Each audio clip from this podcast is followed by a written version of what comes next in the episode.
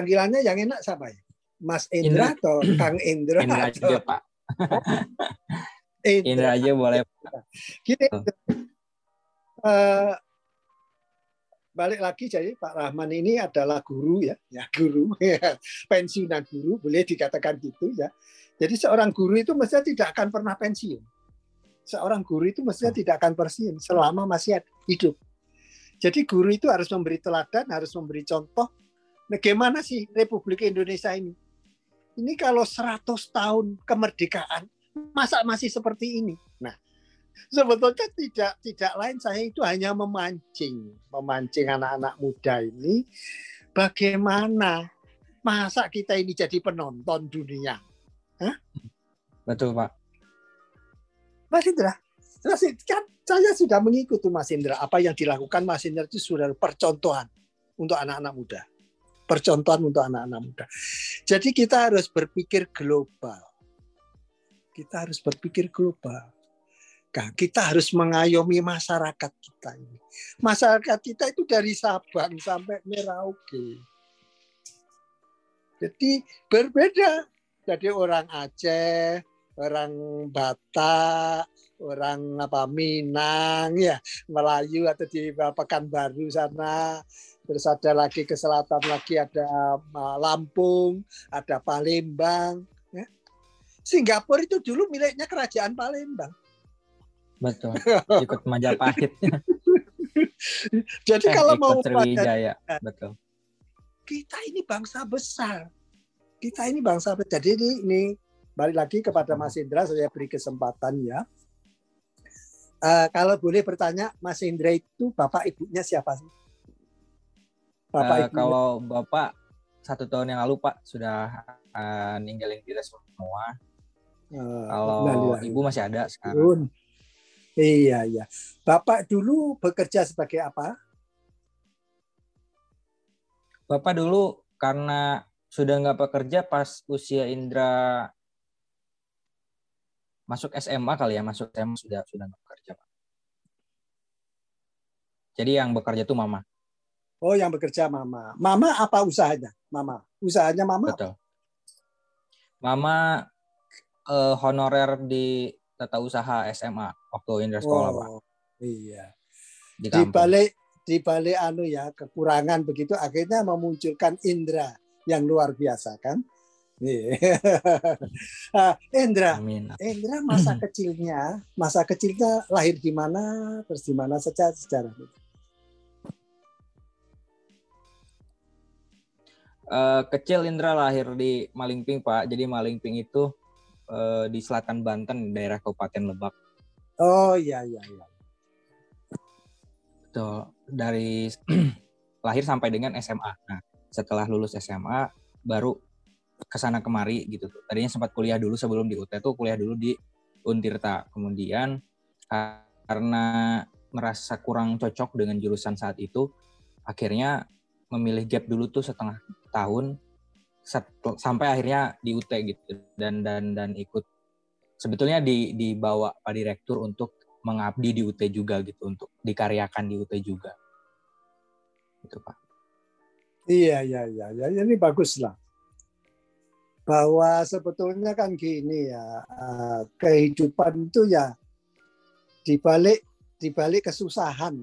Dibalik kesusahan. Itu itu sebetulnya itu adalah semacam kalau saya itu uh, ujian dari Allah Subhanahu wa taala ya kalau kita beragama Islam gitu ya. Uh, kadang-kadang manusia itu ketika diberi kelebihan itu malah terlupakan. Betul, Pak. Termasuk kita-kita ini orang Indonesia itu nih. Orang Indonesia itu matahari itu tiap hari kan matahari terbit selalu ada matahari terbit. Coba orang seperti Amerika ini bisa-bisa tidak melihat matahari. Kalau tahu melihat matahari itu posisinya selalu miring. Hmm. Kalau saya, saya ini ada di Iowa. Di posisinya 40 derajat lintang utara gitu ya. Jadi matahari selalu ada di selatan. Hmm. Matahari selalu ada di selatan. Jadi sehingga ada mengalami empat musim, kadang-kadang kedinginan sekali, ya, kadang-kadang kepanasan sekali. Di Amerika itu kalau sudah panas itu langsung kebakaran itu. Hmm. Dengan climate change sekarang ini, ini bukti bukti nyata. Jadi sudah terjadi perubahan iklim besar-besaran bumi ini. Apakah bumi ini masih bisa dihuni? Ya kita lihat actionnya. Kita lihat action action kita sebagai manusia di bumi. Ya, termasuk COVID.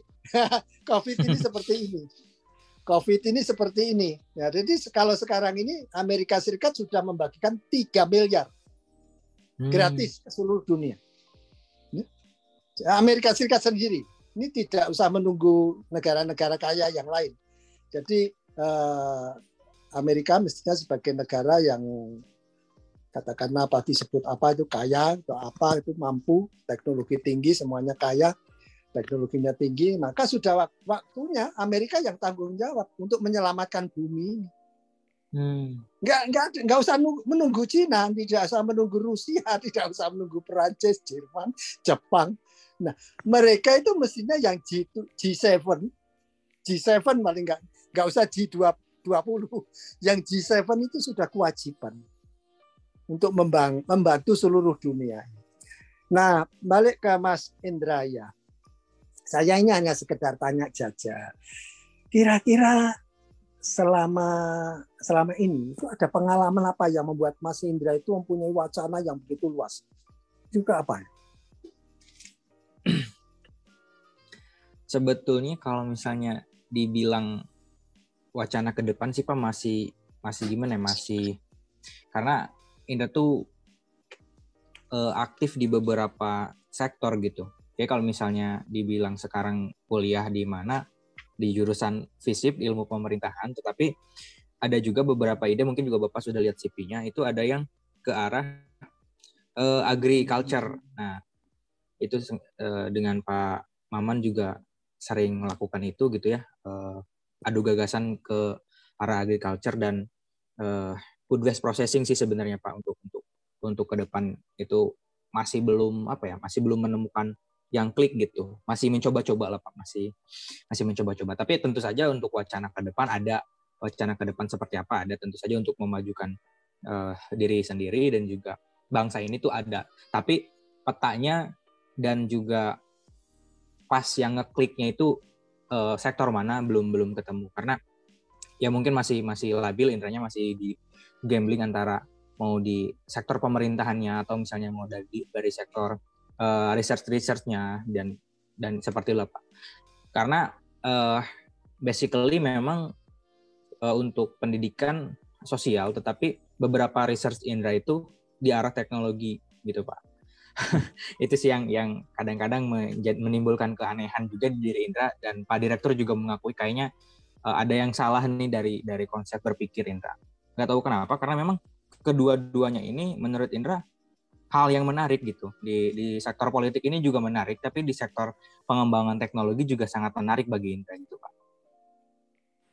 Nah, ini bagus kalau saya berpikir bahwa sebetulnya manusia itu sebagian diberi yang dinamakan multi talenta. Karena itu, ya saya itu kalau background saya kan fisika. Background saya fisika. Tapi uh, saya itu lama menjadi asisten profesor itu di linguistik. Hmm, nah, ya, terus betul bagaimana seperti itu Pak. Jadi. Nah terus bagaimana? Orang kan menyalahkan Pak Suraman itu orang fisika kok ikut-ikutan di linguistik. Terus saya kadang-kadang hmm. kalau orang Indonesia itu kalau dijawab kadang-kadang tersinggung. Kalau nggak dijawab bagaimana? ya saya itu seenak saya sajalah. Gitu jawabannya. Jadi sekarang ini saya ini melakukan penelitian linguistik terutama di bahasa Jawa, bahasa Madura dan sedikit bahasa Sunda, sedikit. Maksudnya membantu tidak tidak tidak masuk terlibat. Tapi kalau bahasa Jawa dan bahasa Madura, saya terlibat langsung karena saya sendiri orang Jawa, istri saya orang Madura ya. Jadi saya itu eh, dua bahasa ini sangat sangat tahu dan 27 tahun itu bahasa Madura kita kembangkan. Sehingga pada saat ini eh, karya-karya Madura terbesar itu justru di Amerika Serikat. bukan di Indonesia lagi. Ya. ya, ini yang sekarang ini saya lagi membangun podcast dengan seorang nano milenial Madura juga. Nanti mengembangkan sastra budaya Madura. Sastra budaya nanti ada dari misalnya kalau Indra punya teman lagi yang mau anu saya ajak mengembangkan sastra budaya Sunda ya mari. Sebabnya saya mencari orang-orang hmm. formal, orang-orang formal itu nggak pernah anu karena selalu menghitung saya dapat apa iya, betul, dapat Pak. apanya dulu betul betul nah lah saya ini mengadakan itu juga nggak ada yang bayar iya. betul betul ini Pak. semua itu saya bayar dengan dana pribadi istilahnya swasta kenapa ya saya sangat care terhadap Indonesia kenapa saya bisa begini itu karena Indonesia Hmm. Saya bisa begini, bisa selamat datang Bu Adela. saya bisa begini tuh guru saya Indonesia. Dosen saya itu orang Indonesia. Kalau setelah itu masuk Amerika diambil Amerika. Ya, siapa yang beruntung ya? Ya Amerika untung, Indonesia untung juga. Ya saya untungnya saya dibayar mahal. Kan gitu saja. Luar biasa. Iya, ya.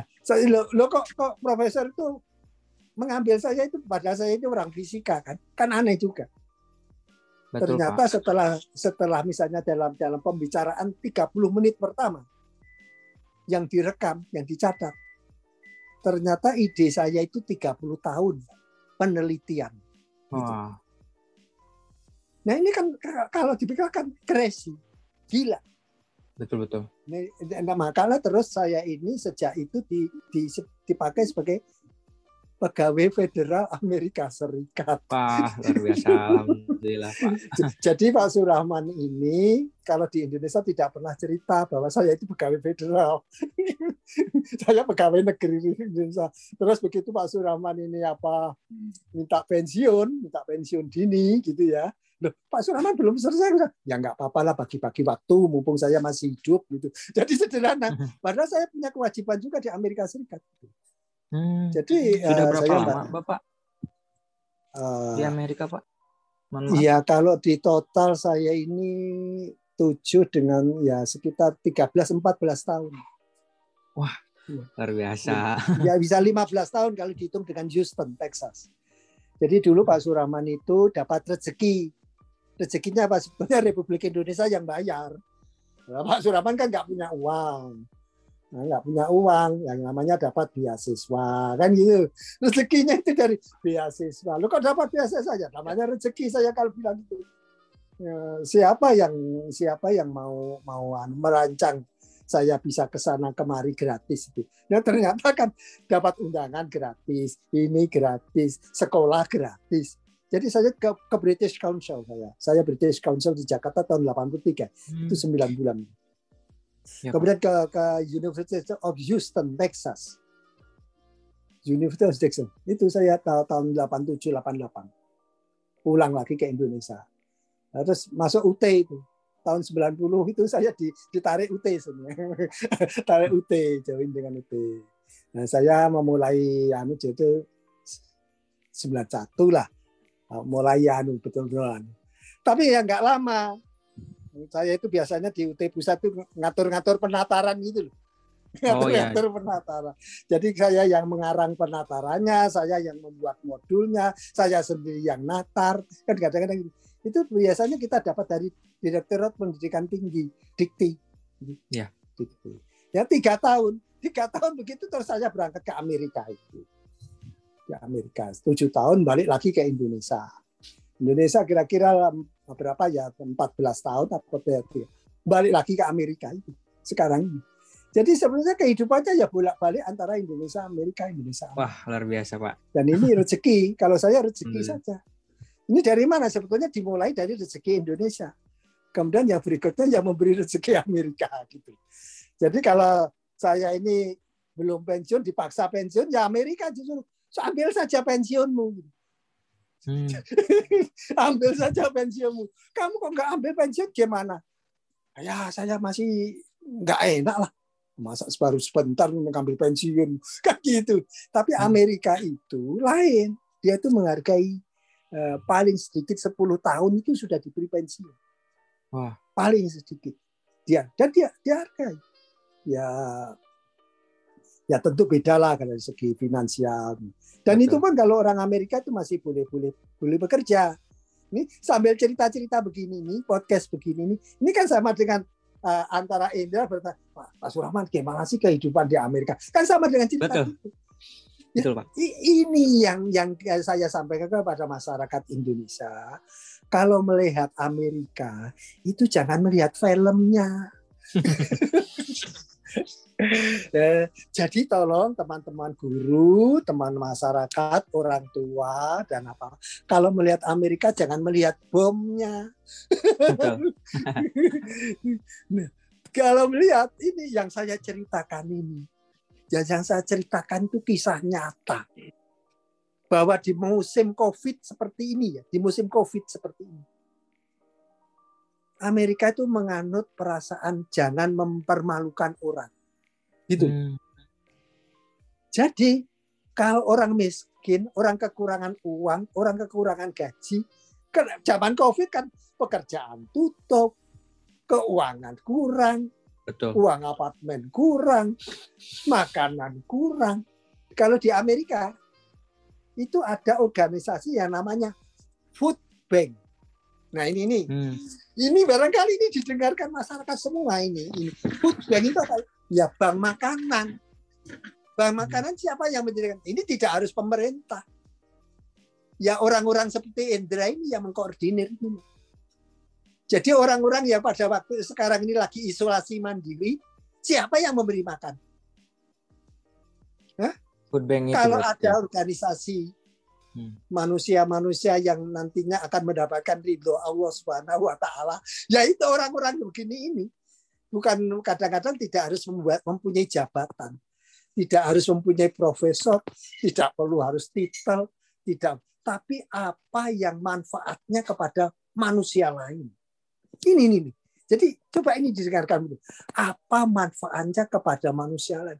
Jadi walaupun Indra, walaupun Bu Adora atau siapa Didin atau siapa lagi Aprilia tadi di sebelah kita itu ada Ruli Aprilia itu adalah tokoh muda, tokoh muda. Tapi ya sama dengan juga Indra, sama dengan Bu Adora juga. Ya. Jadi ini tokoh-tokoh muda inilah ya saya anggap mau ini dengarkan ini cerita kisah nyata ini. Pak Surama itu bukan anaknya orang kaya ini. Ya, Pak.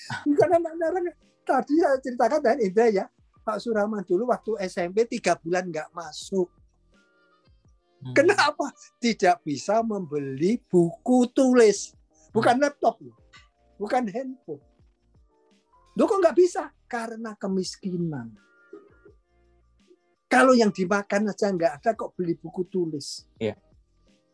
Sekolah ya pakai nggak pakai sepatu. Dulu itu saking miskinnya kita itu kalau tas sepatu yang sepatu yang jebol-jebol gitu loh ya kita seret-seret gitu. Iya.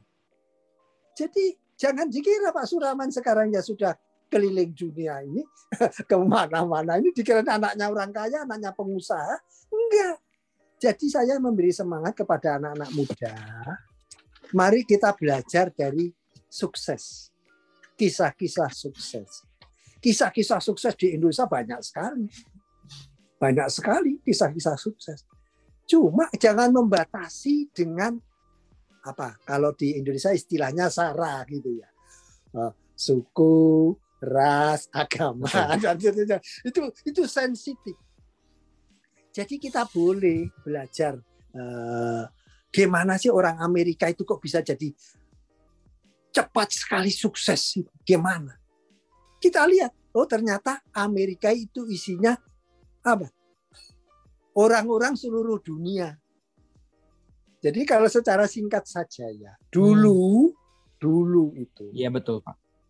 dulu-dulu di dalam sejarah dunia itu kalau kamu belajar sejarah dunia, dulu kadang-kadang kan begini ya, orang itu kalau dulu dimulai dari zaman Taurat gitu ya, zaman Taurat Dulu orang itu membaca Taurat saja. itu membaca Taurat aja dia tidak mau sekolah, Hmm. tidak mau bekerja, tidak mau gitu baca Taurat. Lah ada kelompok yang membenci ini. Nah muncullah itu Nazi, Hmm. muncullah Nazi Jerman membenci kelompok yang Hmm. hanya membaca Taurat saja. Jadi membenci Yahudi akhirnya. Korban kan? Iya. Berapa? Dua juta. Dua juta kan? Manusia dua juta itu dibunuh itu gimana itu? Nggak punya akal, nggak punya perasaan. Ya, ya sudah. Ini adalah kesalahan. Kesalahan manusia pada saat itu. Apakah kita akan mengulangi kesalahan seperti itu? Gara-gara beda agama, gara-gara beda politik, Ya. gara-gara kita hancurkan Indonesia ini. Ya? Kita mau maju nggak Indonesia ini? Kalau mau maju, Tentu Pak. tidak ada yang sempurna. Jadi kalau saya bilang anak-anakku tidak ada manusia sempurna, termasuk pemimpin yang sempurna. Yang yang baik itu bukan banyak mendengarkan, memilih yang terbaik. Jadi jangan jangan dikira terbaik itu bisa saja muncul dari bukan dari orang kita, bukan orang kita. Oh, kalau kamu saya ini kan orang Sunda, saya orang Lebak, ya kan? Oh, saya nggak mau dong, saya nggak mau dong itu belajar dari apa eh, Palembang. Saya nggak Hmm. mau dong belajar dari Batak. Saya nggak mau dong belajar dari Jayapura. Saya nggak mau dong belajar dari Ambon, Maluku. Saya nggak mau dong belajar dari Bugis. Nah ini, ini cara berpikir yang salah. Cara Betul. berpikir yang salah. Kita itu dulu walaupun dulu kalau kalau kita belajar agama Islam waktu Nabi Muhammad SAW tututlah ilmu walaupun ke negeri Ci- Cina. Cina. Nah, artinya pada saat itu Rasulullah itu sudah bayangkan Cina itu negara maju. Hmm, Negara Iya maju. iya iya. iya. Jadi kalau kalau mau belajar nggak apa-apa ke Cina nggak apa-apa. Nah sekarang ini, nah ini anak-anak milenial ini harus berpikir dong. Kalau be- mau belajar ya tidak harus di Indonesia. Betul. Pak. Kalau mau bekerja pun tidak harus di Indonesia. Kalau mau berkeluarga pun tidak harus orang Indonesia. Ini ini, ini. mari kita berpikir begitu. Jadi eh, batasan-batasan, loh Pak, ini kan anu orang tua saja nggak memperbolehkan Pak keluar negeri. Ya, ya bicaranya yang baik-baik lah ya dengan orang tua, gitu ya. Jangan melawan. Nanti kalau sudah betul-betul dapat kesempatan sambil nangis-nangis lah di hadapan orang tua itu. Itu orang tua itu nggak akan tega. gitu loh. Jadi orang tua tidak akan tega. Dan yang tahu masa depan itu kalian, bukan orang tuamu. Kalian mempunyai kesempatan membaca informasi di ke- kecepatan yang luar biasa. Sekarang ini informasi dari Amerika yang sekarang ini kan informasi langsung dari Amerika. Ini kisah nyata. Betul Pak. Jadi dulu kasus eh, anu sampai ada orang Eropa pindah dari Belanda. Kalau pindah itu bukan satu orang, dua orang. Ya. Anu Indra, saya eh, kemarin, Ya Pak. baru kemarin itu pulang dari keluar kota. Dari dari kota saya ini saya hanya apa nyopir saja pakai mobil dengan istri saja berdua. Saya hanya ingin jalan-jalan saja, tidak ingin piknik atau apa. Maaf, melihat keliling saya. Ternyata apa? Sebelah saya itu perkampungan orang Belanda. Hmm. Sampai namanya apa? New Holland. Holland. Oh Holland. ya. Ya ya. New Holland. Holland itu Belanda. Dutch. Terus saya lewat lagi kota. Moskow. Oh Tahu iya. Moskow? Moskow itu Rusia. kan ibu Rusia. Ibu Jadi kota orang Rusia itu kalau pindah ke Amerika nggak satu dua, kalau perlu satu kota pindah. Hmm. Nah ini mungkin kota Moskow itu pindah semua ke ke daerah sini, lalu menamakan kotanya sama dengan kotanya dia, Moskow. Hmm, ya ya. Jadi ini kisah nyata. Jadi yang saya sampaikan kisah nyata. Nggak ada ini apa orang Rusia tengkar dengan Amerika Hmm, yang menjadi kepala antariksanya Rusia itu orang Amerika kok. Hah? Gimana? yang menjadi kepala angkasa luarnya Rusia itu orang Amerika Serikat itu. Terus hmm. kadang-kadang kita ke angkasa luar bersama-sama astronotnya Rusia dengan astronotnya Amerika. Oh, Loh, iya, kok iya. kok politik sepertinya mau perang saja, mau nuklir. Rame ya, Pak. nah, itu kalau sering melihat TV, kalau sering melihat film perang nuklir, perang ini, ya inilah akibatnya bangsa kita itu bisa chaos. Hmm, hmm, bangsa hmm. kita bisa chaos. Yang kenyataannya itu tidak seperti itu. Seperti sekarang ini saja ya, yang terjadi. Ini gawat. Ini mirip Vietnam kedua. Dulu zaman kamu apa kamu lahir tahun berapa sih? Anu Indra? 99, Pak. Nah, 99. Kalau 99 Pak Surahman ada di Amerika itu. Wah. Amerika Serikat itu. Ya, saya saya di luar negeri ya sudah jadi asisten profesor waktu itu ya itu kamu masih lahir. Jadi uh, anak saya saja lahir yang terakhir tahun 90. Wow. Anak saya terakhir. Ya, sekarang jadi dosen di IPB itu ya biar. Entar lagi ke Amerika juga. Entar lagi ngikuti jejak bapaknya kali ya. Ya tapi saya tidak menyuruh. Saya tidak menyuruh. Hmm. Apa ini masa depan bukan masa depannya saya. Uh, masa depan ayahmu ini kan nggak tahu kok kok anu ngelanturnya ke Amerika Hmm. Kalau saya ya ini barangkali takdirnya Allah. Kenapa? Loh, ya itu ini ngomong-ngomong sambil anu apa? Kalau bukan takdirnya Allah loh, haji dua kali aja kok dari Amerika itu loh. Iya, Pak. Ini kan dari takdir dari Allah juga. Kok dua-duanya gratis? gimana ya sudah nggak usah dibicarakan kalau ngurus kalau ngurus apa itu kalau ngurus eh, haji di Amerika itu saya 10 menit wah Luar biasa. Itulah nah, yang terbayangkan saya. Saya cemburu dengan Amerika. Hmm. Kecemburuan saya inilah yang ingin saya ceritakan kepada bangsaku. Kalau saya ngurus haji saja 10 menit siap berangkat. Kau kita ini ngatus ngurus haji sampai sekian tahun. Loh ya karena sebetulnya ya, kan karena umat Islam Indonesia banyak sekali. Kalau Amerika kan sedikit. Gitu loh. Logikanya itu gitu. Kalau mau mengapa sulit ya sudah. Apakah nggak bisa dibuat gampang?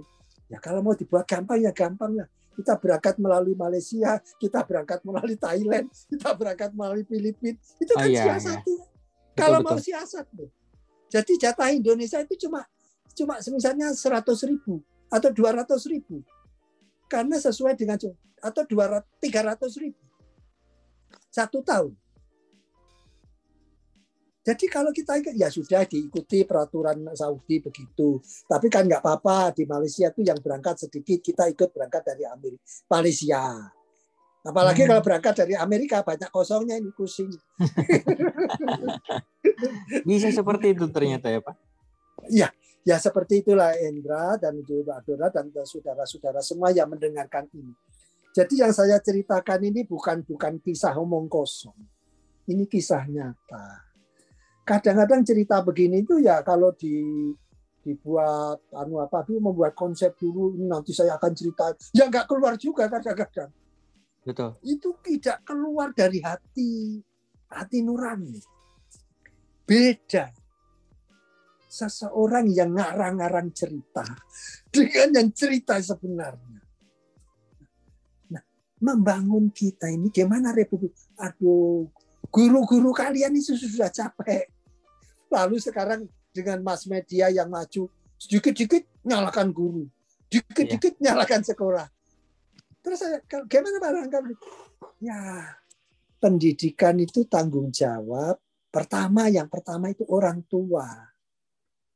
Setelah itu masyarakat ya, masyarakat itu termasuk sekolah ini, termasuk guru ini, terus pemerintah itu. Jadi jangan dikit-dikit nyalakan pemerintah, dikit-dikit nyalakan guru. kan ada itu apa guru di di apa dilaporkan polisi karena menyiksa murid ya, mau, menghukum. Aduh astagfirullahaladzim. Ini ya saya kisah kisah nyata lagi ya, kisah nyata lagi. Saya ke Amerika Serikat itu kan 94 sampai 2001. Saya bawa itu empat anak istri dan anak-anak saya saya hmm. Ya karena saya itu uh, baru masuk terus jadi asisten profesor. Sebetulnya gratis semua itu sekolah itu gratis. Tapi ya ya sudahlah jalannya masing-masing. Jadi waktu itu anak saya paling kecil itu umur lima tahun. Paling besar umur 16 tahun, hmm. 17 tahun gitu. Ya jadi ada yang TK, ada yang SD, ada yang SMP, ada yang SMA. Di Amerika Serikat itu kalau terima rapot bapak atau ibu harus datang langsung. Hmm. Ayo, gimana Indonesia? di Amerika kantin, Serikat Pak. itu, di Amerika Serikat itu, kalau anak-anak terima rapot, terima rapot dulu itu kan ada catur bulan, ada semesteran, sekarang semesteran ya semesteran gitu. Nah, itu biar jenderal biar profesor doktor, biar itu uh, dekan, apa rektor atau kapolri, komandan apa maksudnya, itu datang dengan sopannya di hadapan guru. Jadi guru itu jadi tersanjung. Oh tamu saya ini bapaknya ini seorang jenderal. Tamu saya ini oh seorang presiden Kalau perlu seorang presiden datang karena anaknya di hadapan guru. Dan ini terjadi di Amerika Serikat ini. Jadi saya bukan ngomong kosong, ini kisah nyata. Karena saya mendatangi. Jadi kadang-kadang uh, saya kuliah, habis kuliah tuh saya datang ke sekolah untuk bertemu siapa? Guru anak saya. Ya, guru, guru anak saya ada yang TK, ada yang SD, ada SMP, SMA. Jadi ada sampai di empat lokasi saya harus datang. Jadi datang langsung. Hmm.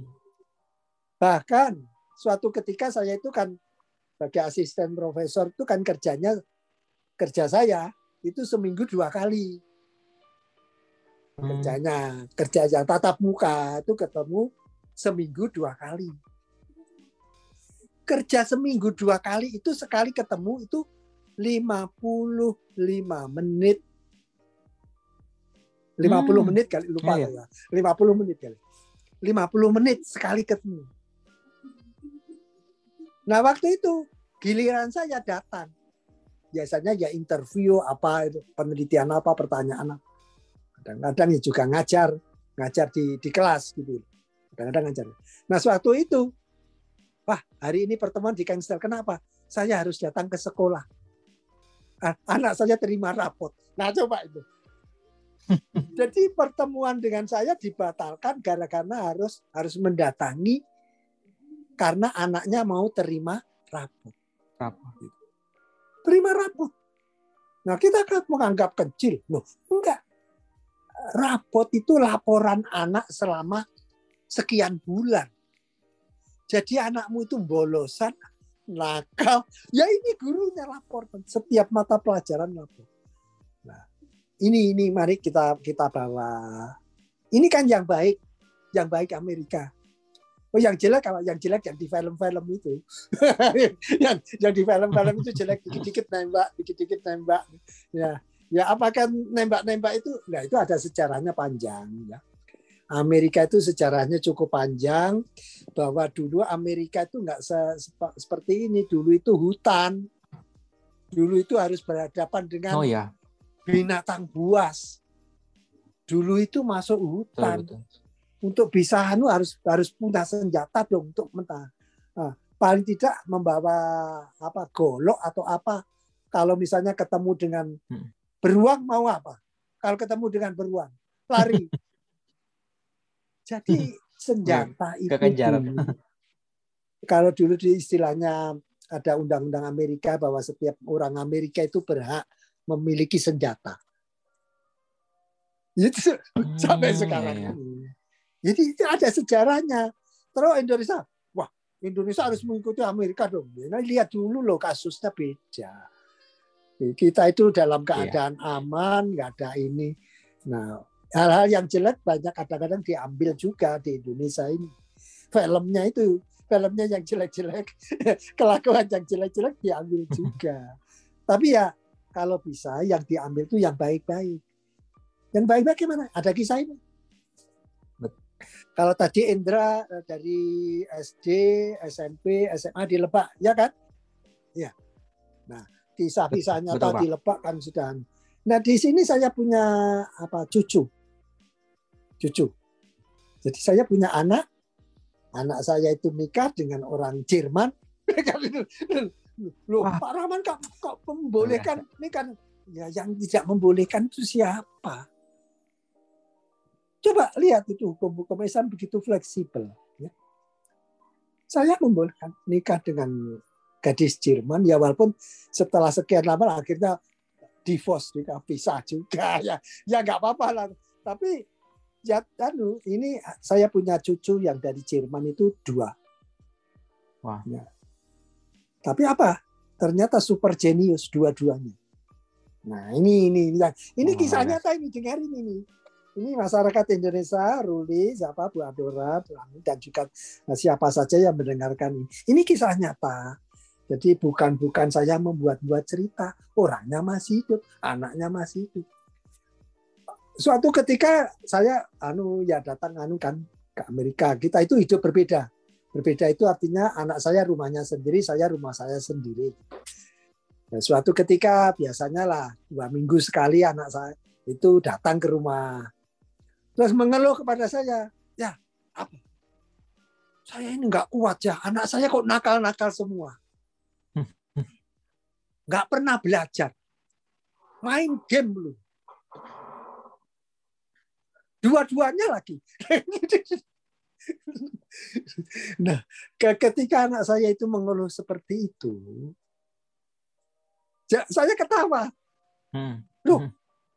ayah ini kok ketawa saya sedih ya saya serius ayahmu ini walaupun ketawain juga serius kenapa memangnya kamu dulu waktu sekolah itu pernah belajar setelah pertanyaan saya itu dia diem memangnya kamu sekolah mulai TK sampai kamu kapan pernah belajar diem terus bagaimana anak saya ya tunggu sebentar lagi Benar ya? Sebentar lagi sayang. Yang ayah pesan, saya pesankan. Kasih sayangmu 100% untuk anak-anak. Jadi kasih sayang orang tua kepada anak itu harus 100%. Bukan 75%. Bukan 50%. 100%. Jadi harus diperhatikan keperluan anak, keluhan anak, didengarkan semua memfasilitasi, difasilitasi apa. Ternyata apa? Ngomong-ngomongan ini, dari ngomong-ngomongan itu hanya sekitar tiga bulan. Hmm. Terus anak saya bilang, ya ayah benar. Kenapa? Ternyata anakku dinobatkan yang terbaik di sekolah ini. Hmm. Dan dan ada tambahannya lagi, sudah boleh kuliah. Ah, aneh. Wah. SMP kelas 2. Ya, ya, ya. SMP kelas 2. Kalau di sini SMP kelas 7 dan kelas 8. Ya. ya. Kelas 8 itu cucu saya tadi sudah kuliah. Lu kenapa gitu? Hmm. Karena pelajarannya di sekolah itu dibabat habis. Gitu aja. Nggak kuat gurunya itu. Ber- oh, pertanyaannya gitu. dia nggak kuat. Pertanyaannya dia nggak kuat. Jadi sudah dibolehkan kuliah bulan anu bulan lalu itu lulus SMA. Lulus SMA. Tapi lulus SMA itu sudah kuliah lima tahun. Oh, bisa begitu ya? Nah, ini ini kisah nyata. Jadi ini tolong ini bisa didengarkan Indra, bisa Indra ceritakan kepada teman-temannya. Bisa podcast ini nanti dibagikan. Ini nanti akan direkaman ini akan saya bagikan silakan dibagikan di Facebook, silakan di Instagram, silakan apa? Kita mau berbagi ini kepada seluruh masyarakat Indonesia. Hmm. Saya beruntung, lama anaknya apa? Bapak saya itu SD kelas 3, tidak punya ijazah SD. Ibu saya buta hmm. huruf, gitu loh. Loh saya diberi kesempatan ini kan harus alhamdulillah. Bahasa Betul. bahasa agamanya tanah la in syakartu ta'zidan wa la in kafartu inna adabi lasyadid di dalam bahasa agama. Kalau kamu bersyukur, kamu akan diberi lebih banyak. Nah ini saya bersyukur. Saya bersyukur. Nah syukur saya ini saya bagi kepada Indra, Bu Andra, kepada Aprilia, uh, Ruli kepada Didin, kepada siapa saja yang nanti mendengarkan ini. Ya. Kenapa? Bangsa Indonesia perlu dibangun dari yang terbaik. Yang terbaik Amerika apa? Ambil. Yang terbaik Inggris apa? Ambil. Yang terbaik Cina apa? Ambil. Yang terbaik Arab Saudi apa? ambil. Jadi kita itu jangan, loh saya kan orang Jawa. Wah orang Jawa lah yang paling baik di dunia. Ya, iya, saat ini di tempat ini mungkin yang terbaik. Tapi pada saat yang lain bisa nggak terbaik. Ya nggak terbaik misalnya ya. Kalau memang terbaik betul, kenapa kita ini tidak memimpin dunia? Kan sederhana. Kalau kita ini terbaik, kita ini pemimpin. Kalau kita pemimpin, kita yang yang membuat dunia ini damai, bukan perang. Marilah podcast ini saya mengajak dunia untuk damai. Jadi kalau saya pada saya pernah menulis di media sosial di Amerika, saya kirimkan juga ke presiden juga kepada anu. Ya, ini kewajiban Amerika dong. Masalah Covid. Nah, Amerika yang terkaya. Siapa lagi kalau yang nggak terkaya yang tanggung jawab? Mestinya Cina juga lah. Iya Cina iya. Tapi kita nggak usah nunggu Cina. Nggak usah nunggu Jepang. Nggak usah nunggu Rusia. Tidak usah nunggu Inggris. Tidak usah nunggu apa Jerman dan lain-lain. Nah, sekarang sudah 3 miliar vaksin dikirim ke luar negeri. Ya. Ini gimana? Ya mestinya begitu. Jadi kita tidak perlu lagi minta pujian orang itu nggak perlu. Kalau kita mau menolong orang itu tidak perlu minta pujian. Kita tidak perlu minta imbalan. Nah ini ini kan sebetulnya kalau mau dilihat, ini kan mirip dengan ajaran agama Islam. Itu ikhlas. ya kan? Ya. Ajaran namanya ikhlas. Nah, ya. coba sekarang saya ganti gilirannya Indra. Tadi kan tadi cerita soal pengalamannya apa ya? Tidak, apalagi yang bisa diceritakan pada saya dan masyarakat yang lain. Nggak banyak sih Pak kalau pengalaman Indra. Mungkin uh, itu juga sama, posnya pengalamannya yang basic-basic yang pernah dialami juga sama uh, apa ya pemuda-pemuda lain sepantai Indra gitu ya mungkin kalau misalnya dari uh, presentasi atau PowerPoint yang Indra tawarkan ke Bapak melalui Pak Direktur itu, ya memang dari semenjak SMA itu udah senang nulis, senang riset-riset gitu Pak. Nah, tetapi eh, akhirnya kenapa memilih FISIP sekarang gitu ya, kenapa di ilmu politik dan pemerintahan. Tetapi ternyata di apa selama riset-riset itu, selama penelitian-penelitian itu kebetulan Ira beberapa bulan itu pernah di LIPI Pak beberapa dari tahun 2016 sampai 2018 sampai kemarin terakhir 2019 ada kolaborasi sama LIPI. Nah, ternyata yang disenangi sama Indra itu bukan bukan di risetnya, bukan di menulisnya, tetapi di lebih ke arah mengenal orang-orang besar di balik karya-karya itu gitu. Hmm, iya iya iya. Berarti, berarti kan itu lebih ke sosial, lebih ke sosialnya ternyata yang disenangi itu itu. Nah, akhirnya di situlah pada tahun 2018 Indra berpikir bahwa ternyata bukan jalan apa ya? Kan kata orang hiduplah sesuai dengan passionmu kan. Ternyata iya, passionnya iya, memang iya. bukan bukan di riset. Riset ini hanya pendukung, tapi passionnya adalah di sosial karena ketika Indra bertemu orang-orang baru yang luar biasa hebat seperti Bapak misalnya, itu tuh uh, effort untuk mendengarkan, effort untuk menggali lebih itu lebih besar pak jadi kayak ketika Indra akan siap-siap untuk bertemu orang baru yang yang yang ketika Indra browsing itu orang misalnya beliau itu luar biasa hebat Indra itu akan mengosongkan gelas untuk mengisi air yang dia kucurkan ke gelas itu gitu. Nah istilahnya seperti itu. Bagus, jadi bagus. jadi bagus. jadi kayak kayak gitulah. Akhirnya eh, banyak belajar dari senior senior di LIPI waktu itu. Uh, ada beberapa uh, sampai ke kepala pusat biomaterial. Dulu Indra di biomaterial juga pak.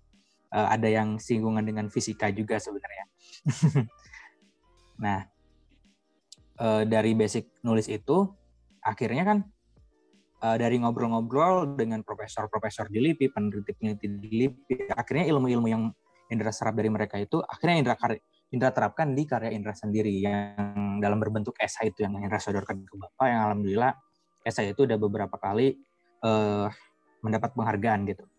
Yeah, Terakhir yeah. kemarin di uh, Kemenkes itu.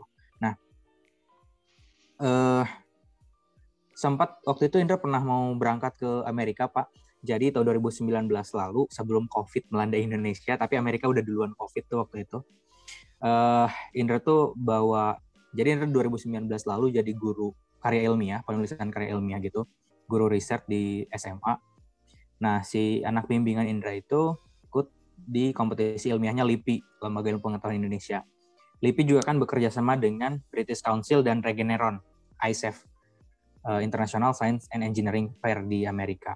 Nah, rencananya itu kita tanggal November 2019 itu uh, atau Juli lah, Juli Agustus 2019 itu akan berangkat ke uh, California ke Anaheim untuk menghadiri ISEF itu. Nah berhubung COVID akhirnya nggak jadi. Nah mungkin pengalaman yang sampai ke titik ke titik ini dapat pelajaran banyak banget tuh di 2019 itu karena mulai dari di 2019 itu uh, peneliti-peneliti yang Indra kenal tuh peneliti-peneliti hebat yang akhirnya bisa ilmunya Indra serap dan mengantarkan anak-anak didik Indra uh, bisa mendapat kesempatan ke untuk berlaga di uh, ISEP di Anaheim, California ini. Meskipun nggak jadi akhirnya karena COVID gitu. Iya, iya, iya. Nah, itu sih Pak dan dan uh, di, di, di 2020 uh, Indra bersyukur banget akhirnya di di diberikan kesempatan untuk uh, dikaryakan dan mengabdi di UT ini sekarang gitu. Uh, sambil oh, kuliah. Iya. iya itu sih pak. Mungkin yang yang pengalaman yang paling berharga sih itu. Uh, titik balik akhirnya Indra mensyukuri hidup ini adalah ketika pada saat 2018 lalu uh, 2017 lalu Indra yang tadi diceritakan pernah berkuliah di Untirta itu waktu itu ngambil teknik metalurgi karena basic riset itu tuh pak yang yang mengambil yang akhirnya mengambil uh, apa namanya menuntun Indra untuk mengambil metalurgi. Nah ternyata setelah disadari kan tadi uh, lebih ke passionnya di sosial bukan di risetnya. Akhirnya memutuskan keluar di pertengahan semester 1 2017 itu dan berhenti kuliah. Nah di berhenti kuliah ini memang uh, seperti seperti apa ya? Seperti orang-orang itu menjustifikasi bahwa tadi seperti yang bapak katakan banyak orang pak yang yang bilang uh, orang tua Indra tuh setelah gagal mendidik Indra sehingga anaknya tuh berhenti kuliah gitu. Nah, padahal waktu itu tuh 2017 lah, itu tuh Indra udah punya udah punya konsep dan gambaran. Uh, saya berani nih ngambil ngambil resiko untuk keluar dari Untirta, untuk keluar dari kuliah, karena saya udah punya plan dan solusi ke depannya mau seperti apa gitu. Nah, di 2018 pernah mencoba juga uh, di beberapa kampus dan akhirnya lolos. Namun ya tadi ya Pak uh, karena apa namanya keterbatasan biaya ya dulu tuh Indra pernah mendapatkan beasiswa 80% juga di Presiden University di Jababeka, kemudian di UPN Veteran Jakarta juga waktu itu D3 eh D4 keuangan perbankan kalau nggak salah. Nah itu tuh nggak Indra nggak Indra ambil tuh meskipun itu udah udah lolos gitu. Karena itu tadi kekurangan yeah, yeah. kekurangan dana tadi. Nah akhirnya di 2018 Indra masuk UT pak. Masuk UT itu cibiran cibiran dan hinaan ke ke Indra dan keluarga tuh semakin kencang gitu pada saat Indra memilih UT akhirnya. Karena karena kayak kalau kata orang Sunda mah Pak micen gelas menang batok gitu. Jadi iya uh, iya jadi Indra tuh nggak uh, membuang gelas tapi dapatnya batok gitu karena masuk UT gitu ya. Tetapi iya. Indra akhirnya berusaha gimana caranya mengubah si batok ini jadi sesuatu yang lebih berharga gitu. Nah, dengan dengan dengan obrolan-obrolan seperti itu akhirnya memacu Indra untuk di UT pun uh, bisa gitu jadi sesuatu gitu. Karena kan uh, pepatah bilang emas itu meskipun ada di tempat sampah akan tetap emas gitu ya terus atau misalnya emas meskipun ada di terselip di dalam lemari uh, sempit pun adalah emas gitu terus banyak hal lah yang yang akhirnya di prinsip hidup Indra sekarang kayak misalnya salah satunya adalah uh, lebih baik jadi kepalanya semut daripada hanya sekedar menjadi ekornya gajah gitu pak jadi kayak iya. gitu-gitu. Nah akhirnya di 2019 itu pertama kali Indra nyoba kolaborasi dengan uh, UT untuk membuat sebuah karya.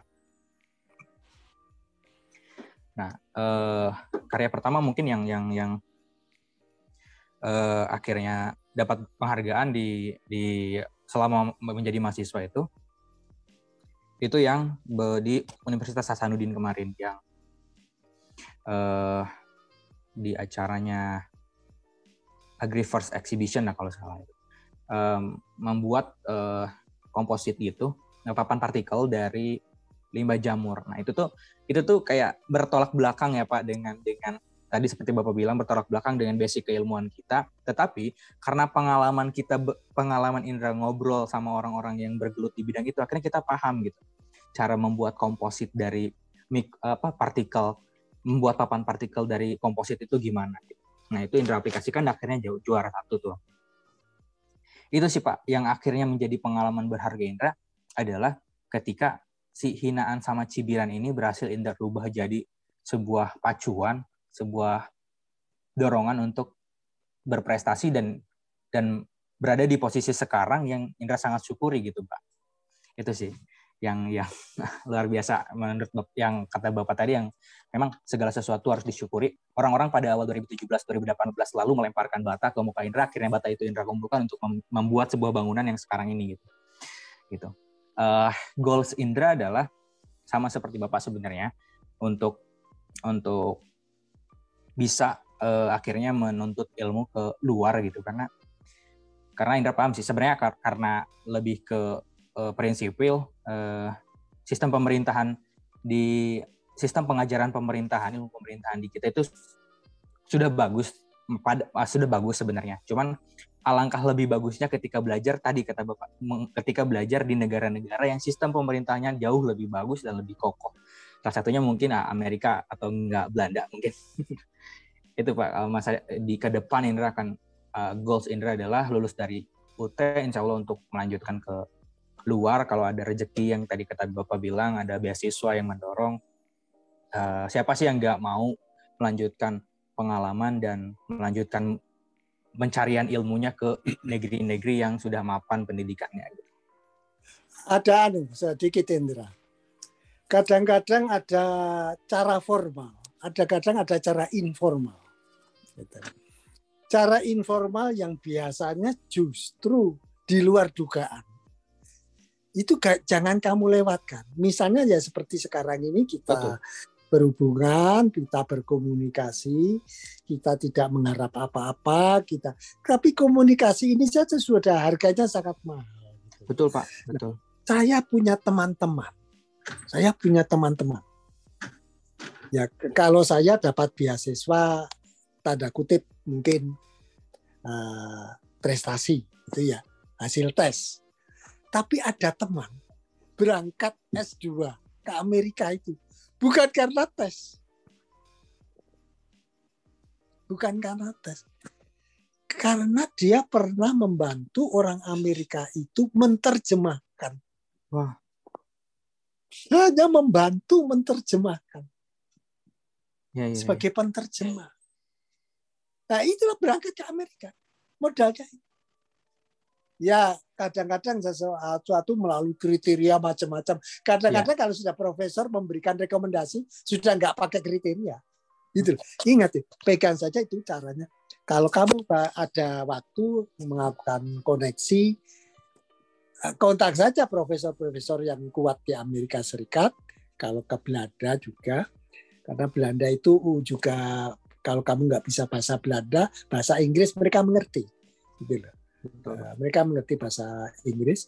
Uh, Perancis uh, biasanya agak sulit juga ya bahasa Perancisnya. Yeah. Bahasa Jerman agak sulit juga. Uh, Jepang ya kadang-kadang sulit gitu ya. Jepang. Nah, sebetulnya Cina juga bagus. Cina juga bagus. Tapi ada nggak kampus Cina yang berbahasa Inggris? Jadi dicari peluang-peluang itu dicari. Kenapa? Ya kadang-kadang kita berdasarkan kenalan, kadang-kadang event-event tertentu, datang aja event itu. Siapa tahu pada waktu event-event itu ada kenalan, ada teman yang mempunyai link gitu Kadang-kadang cuma diberi link saja. Jadi ya, saya itu satu teman yang hanya menerjemahkan. Ada teman lain lagi itu kadang-kadang ya jabatan, koneksi. Dan memang orangnya hmm, iya, pinter. Iya. Nah tadi, jadi orang berkapasitas itu yang tadi emas tetap emas. Kalau saya bilang berlian akan tetap berlian. Biar kamu dilempar ke lumpur, biar dilemparkan Betul. ke lumpur, kamu tidak akan seperti lumpur. Jadi ya. ikan hidup itu kalau ikannya hidup tidak akan pernah asin walaupun itu di air asin. Iya kan? Kalau ikannya ya, hidup. Iya ya, betul. Nah kita ini hidup atau mati? Iya, Jadi ya, kalau betul, ini betul, betul. keadaan negara secara politik kurang begitu bagus, secara ekonomi ya kalau kita bilang sukses ya lagi pas-pasan, ya dikatakan pas-pasan karena masih banyak pada masa-masa COVID ini dengan eh, keterbatasan yang ada, pemerintah itu sudah berusaha.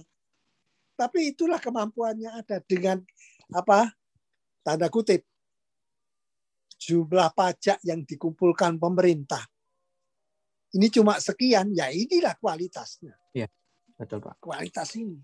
Ini ini ini membangun bangsa itu ya dari pajak kita. Kalau kita mau membayar pajak saja ngomel, eh, dikit-dikit pajak, dikit-dikit pajak, motor pajak, makan pajak. Nah kalau negara nggak dapat uang dari kamu, bangun apa iya. ini? Mau beli kapal, kapal apa? Mau beli pesawat, pesawat tempur, pesawat tempur yang kelas apa? Hmm? Negara Indonesia ini dari Sabang sampai Merauke, dari pulau itu sampai ke Pulau Roti, itu luas sekali. Sama dengan Amerika Serikat tapi Amerika Serikat itu benua itu.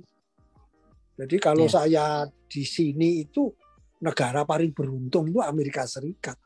Tanahnya luas, orangnya sedikit. Wah.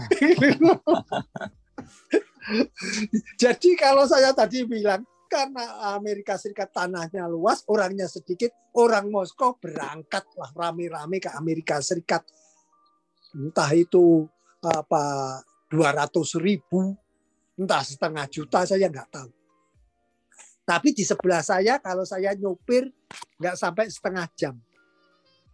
Nggak sampai setengah jam dari rumah saya ini ketemulah kelompoknya orang Rusia yang nama kotanya Moskow. Hmm. Nah, saya itu juga kepengen hmm. juga suatu ketika kota saya ini di sini ada nama kota Surabaya. gitu loh. Kota iya. Serang. Ya, Nu Serang. Nanti jawabnya Nu Serang. Karena apa? Orang-orang Serang yeah. beramai-ramai pindah ke Amerika hmm. Serikat. Pindahnya legal gitu loh, pindahnya legal. Lalu membentuk suatu kota rame-rame. Jadi kotanya dibangun sendiri. Nah kalau di di Amerika Serikat itu ada kelompok kota itu orang Indonesia itu ada di di daerah di daerah dekatnya New York. Itu hmm. kelompok orang Indonesia. Jadi sebetulnya sekarang ini kalau orang-orang Indonesia mau bekerja di Amerika, satu sikap yang harus diubah. Saya beritahu aja. Ini katanya rahasia. Enggak, enggak ada rahasia di dunia ini. Ya, sebetulnya orang Amerika itu yang mau dipekerjakan itu siapa? Ya tentu orangnya pinter. Nah, kan, kan orangnya pinter. Ya, orangnya cerdas dan orangnya work ethicnya bagus. Semangat kerjanya itu bagus. Hmm. Yang dikatakan semangat kerja bagus itu kalau orang Amerika itu menghitung kerja itu sampai menit sampai detik. Gitu. Jadi kalau hmm. pekerjaan selesai, biar dan langsung cepat-cepat keluar clock out. Jadi di mesinnya itu dia langsung keluar. Bukan jalan kaki pelan-pelan, enggak lari. Jalan cepat. Cepat-cepat hmm. keluar. Bawa mobil terus pulang. Itu Amerika. Jadi menghargai waktu itu sampai ke menit. Nah sekarang kita sampai sejauh mana work ethic kita. Kalau orang Indonesia nanti pindah ke Amerika, work ethicnya masih alon-alon asal kelakon. Ini, ini anu lah, pepatah Jawa. alon-alon asal kelakon. Ya, ya kelakon, ya kelakon, tapi ya ya nggak kebagian kan gitu. Bisa, bisa ya. selesai, ya. tapi yang lain sudah lari. Jadi uh, ungkapan bahasa bahasa kita, bahasa daerah atau bahasa Melayu atau bahasa apa, bersatu kita teguh, bercerai kita jatuh. Ini benar. Kalau orang Indonesia ini tidak bersatu, beda politik, jegal-jegalan. Kalau nggak sama dengan saya, saya bunuh. Saya saya saya kalau istilah bunuh terlalu kasar. saya halamin kan gitu. Mau dapat beasiswa namanya dicoret karena bukan dari kelompoknya. Hah? Bisa terjadi. Kalau seorang yeah. pemimpin itu membawa rasa tadi sara. Betul. Wah, ini ada kesempatan ke luar negeri ini gimana ini? Ini ada sekian calon ini. Nah, tapi siapa ya yang keluarga saya dulu mana ya? Nah, Wah, kalau sudah punya keluarga saya dulu, orang saya dulu, agamanya nggak sama dengan saya, etnisnya nggak sama dengan saya, habis RI habis. Jadi kita itu hampir saja ini eh, dalam tahun berapa? Ini kita sudah 76 ya, 76. ya 76 tahun. Berarti 24 tahun kita ini mestinya adalah nomor 4 di dunia, super power super power nomor empat di dunia itu Indonesia. Apa bisa? Bukan bukan di angan-angan kalau saya. Ini bukan angan-angan. Kita tinggal menggerakkan pemuda kalau saya. Hmm, ya, ya. Kalau yang tua tidak bisa, nggak apa-apa.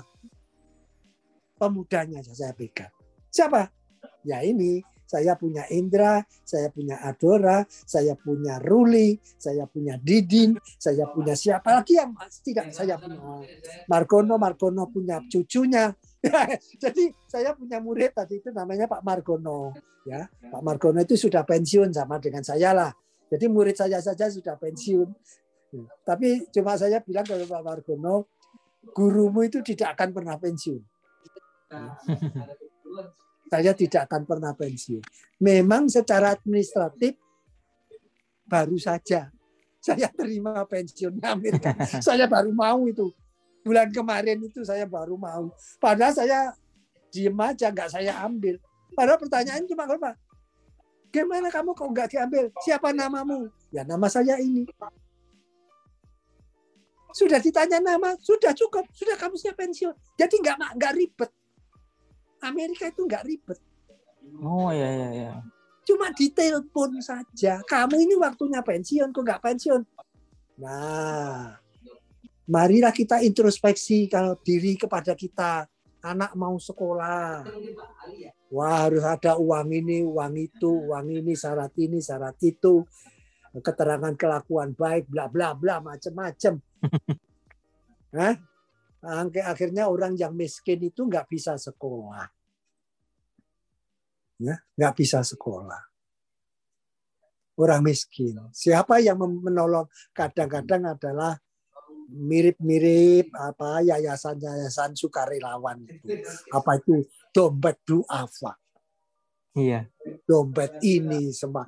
Itu banyak juga dari dari saudara-saudara kita Kristiani itu. Banyak saluran gratis.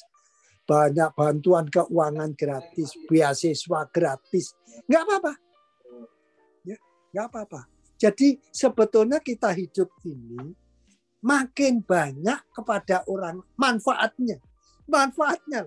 Lihat, jangan, waduh, kalau saya ini tidak kaya raya, saya ini rasanya nggak bermanfaat loh. Lo enggak. Kamu berilmu, kamu punya wawasan, kamu punya nasihat, dipodcastkan seperti ini, diceritakan seperti ini.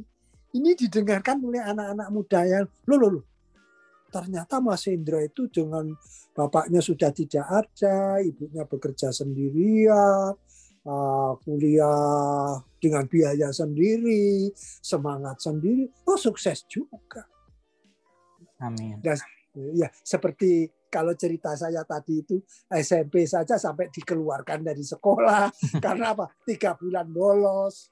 Kenapa tiga bulan bolos? Ya karena tidak bisa membeli buku tulis tidak pernah nyatat, jadi tidak punya catatan. Jadi yang yang diceritakan ini namanya profesor ini tadi. Ini dulu pernah mengalami masa tiga bulan nggak pernah masuk sekolah, nakal sekali katanya orang. Nakal. Tapi saya satu minggu ngerti semua itu pelajaran SMP dari kelas 1 sampai kelas 7. Iya betul Pak. Itu dari mana? Kalau saya bilang ini anugerah dari yang maha kuasa. Saya nggak pinter, lo nggak tahu, nggak pernah nyatet. Waktu kuliah, waktu kuliah, saya itu jarang masuk kuliah. Kenapa nggak ada uang untuk transportasi? Hmm. Loh, gimana? Jadi saya itu pernah masuk pertama perkenalan, masuk kedua ujian. Kok yang lulus saya? Nah, terus bagaimana teman-teman nggak protes itu? Teman-teman saya protes. Dulu tuh saya mulai mahasiswa juga banyak protes, tapi protesnya baik. Protesnya misalnya dulu anu, ketua jurusan fisika IKIP Surabaya itu saya protes. Pak saya mau protes karena ketua jurusannya wajahmu itu bukan wajah pemrotes. wajahmu itu lebih enggak pantas. Ya bahasamu juga, Pak, saya mau protes kok sopan banget. Mau protes kok masih sopan. Mestinya kan demo atau apa. Iya, iya. Enggak. Tapi justru protes saya itu membawa perubahan. Pak, apa saya protes apa? Praktikumnya saya nggak setuju. Dulu itu fisika Surabaya itu kalau praktikum alatnya satu. Ya, hmm, yang kerja mungkin dua orang, tiga orang. yang lain tuh keliling yang lain tuh keliling nyatetin. Jadi laporannya sama. Namanya berbeda. itu protes iya, saya itu. Iya.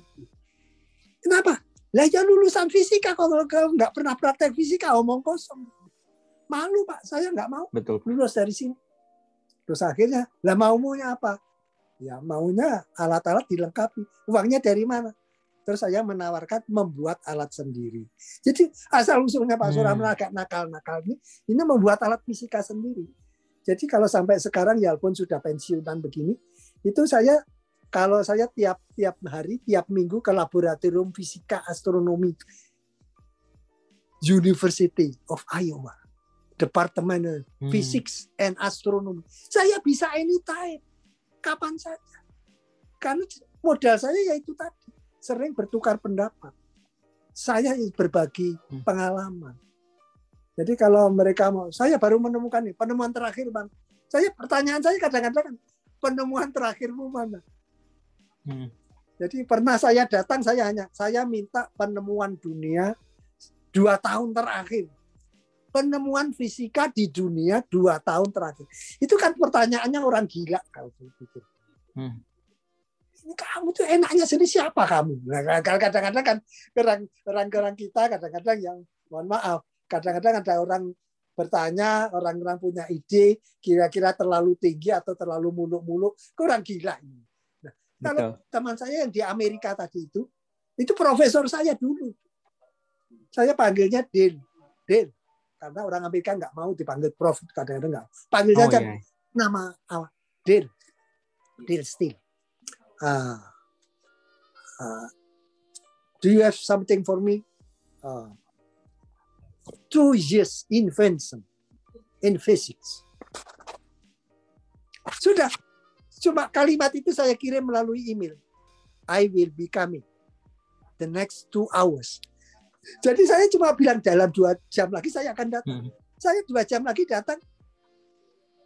You have sudah di, diberikan satu map jurnal fisika dua tahun penemuan terakhir penemuan fisika terakhir dua tahun itu ada di depan saya terus saya bawa pulang saya cari orang Indonesia ada satu Hmm. Ada satu. Tapi itu bukan penemuan utama. Bukan temuan utama. Jadi saya malu. Aduh, Hmm. malu sekali saya ini. Saya ini orang Indonesia, tapi fisikanya Indonesia kok begini. Terus saya telepon teman saya yang lulusan ITB. Pak, gimana ini? Waduh, Pak, saya bahasanya Pak yang ny- nyambung, Pak. Bahasa Inggris. Hmm, ya ya ya. Jadi gak banyak orang-orang Indonesia fisikanya lumayan. Lumayan. Belum baik, lumayan. Tapi bahasa Inggrisnya 0-0. Nah ini, Iya iya kasihan. iya. Iya, Pak. Jadi kalau kita mau bertanding kompetisi dunia, bahasa Inggris harus kita lahap. Makanya kemarin pada Pak Bapak Direktur Pendidikan Guru dan Tenaga Teknis, eh, Bapak Direktur Pendidikan Menengah Umum dan Khusus, beliau saya sampaikan saya sindir, Pak. Indonesia ini kalau SD bahasa Inggrisnya masih nggak bener, Pak. Ya kita nggak akan menang Pak. Kita nggak akan menang. Oh gitu aja. Nah, ya iyalah. SMP itu sudah aplikasi. SMA sudah terbang. SMA Iya, iya. sudah ke luar negeri. Betul betul. Jadi anak-anak nantinya yang saya bayangkan orang Indonesia nanti. Anak SD itu bahasa Inggrisnya sudah 14. gitu. Iya. Gimana ya bisa kita buatkan aplikasi bahasa Inggris gitu loh. Saya sudah bisa aplikasi dibuat gratis saja lah. Kalau nanti tak bayar saya bayar perlu kan gitu. Saya beli aplikasinya saya bayar biar digratiskan untuk Indonesia. Kenapa ya inilah sebetulnya. Kita itu bahasa Inggrisnya bagus, bahasa Cinanya bagus, bahasa Perancisnya bagus, bahasa Arabnya bagus. Baca Qurannya bagus, implementasi ya bagus. Ini sekedar cerita saja ya. Saya anu uh, Bu Adora, uh, uh, Ruli, uh, Pak Margono, uh, Indra uh, dan lain-lain juga yang mendengarkan siaran ini. Di Amerika itu ada yang namanya kalau kita bahasa Indonesia itu Mahkamah Agung. Hmm. Waduh. Mahkamah Agung Amerika itu ada sembilan orang. Berapa? Sembilan orang. Satu kepala, delapan anggota. Tahu nggak? Ini nggak pernah didengarkan orang ini. Bahwa ternyata Mahkamah Agung Amerika itu telanjang bulat sebelum memakai jubah. Hmm. Kenapa? Kenapa? Ini mirip kalau dengan umat Islam. Mirip kalau dengan umat Islam. Itu waktu umroh atau haji. Oh iya iya iya iya. Kita hanya dua helai putih. Nggak boleh pakai macam-macam, nggak boleh. Sudah. Sama dengan ini Mahkamah Agung Amerika. Hmm. Mereka telanjang bulat. Setelah telanjang bulat, dia baru pakai jubahnya itu baru memutuskan. Kenapa? Karena mereka yang sembilan orang itu merasa saya mewakili Tuhan Iya betul. untuk memutuskan kepentingan manusia ini dengan seadil-adilnya. Dulu. Makanya kalau di Amerika itu setiap kota, setiap county, kalau kita itu mungkin regensi kabupaten gitu ya, regensi di sini itu county kota itu punya kekuasaan sendiri-sendiri. Jadi anak masuk sekolah, wah ini kota ini punya kekuasaan. Hmm. Jadi ketika kita bangsa kita seperti ini, bangsa kita seperti ini, musimnya COVID, nah, terus muncullah Delta varian yang gila. Delta varian itu lebih hebat daripada Corona masih awal dulu. Jangankan Indonesia, di Amerika Serikat saja, semula sudah bebas, sudah bebas, nggak pakai masker. Sekarang ini CDC menganjurkan sebaiknya pakai kenapa? Ya Delta varian ini lebih hebat dari yang kemarin. Terus nanti kita tambah booster vaksin deh. Ketiga. Jadi di Amerika ini Hmm, nanti iya, iya. beberapa dua minggu ke depan ini sudah mulai lagi. Saya saya sudah dua kali vaksin Moderna. Nanti akan yang ketiga. Kenapa? Ya supaya ini ini yang delta varian ini nggak mempan lagi, nggak mempan. So ya Pfizer juga begitu. Jadi makanya kalau di Amerika ini sekarang membagikan sampai 3 miliar, itu ya termasuk ke Indonesia. Ya semoga saja di Indonesia juga digratiskan, semoga. ya, ya, semoga di Indonesia juga digratiskan. Ya, tapi ya nggak tahu lah itu semua kebijakan pemerintah Indonesia. Oh, Kami iya. tidak ikut, ikut campur karena itu ya. Tapi semoga rakyat Indonesia juga menyadari pakai masker itu kan bukan pemaksaan pakai masker itu cara mengatur negara, cara mengatur orang supaya tidak mati. Tidak cepat mati. Hmm. kalau ingin cepat mati nggak usah masker saja. Kalau ingin cepat mati ya jalan-jalan terus. Ya itu adalah PPKM apa-apa ya istilahnya pembatasan ini pergi keluar daerah tidak boleh dan jangan demo. Capeknya pemerintah kita ini capek uh, Pak Gubernurnya capek, Pak Bupatinya capek. Orang dibilang sudah tinggal di rumah saja ya. Terus jawab, ya saya makan apa? Wong saya jualannya jualan keliling. Ya disiasati lah, nggak tahu caranya gimana. Bagaimana pemerintah lokal juga memfasilitasi yang yang apa rezekinya dari keliling tadi entah disubsidi apa termasuk yang tadi isolasi mandiri kalau yang isolasi mandiri mau makan apa? Wong saya rezekinya dari jualan rokok, Pak. Saya cari jualan hmm. bakso saja jualan ini. Kalau nggak ada yang rawat makan ya, mati kelaparan. Tapi ya nggak ya sudah lah. Ini proses dan Indonesia sudah melakukan yang terbaik. Nah, hal-hal seperti inilah yang perlu kita bagi.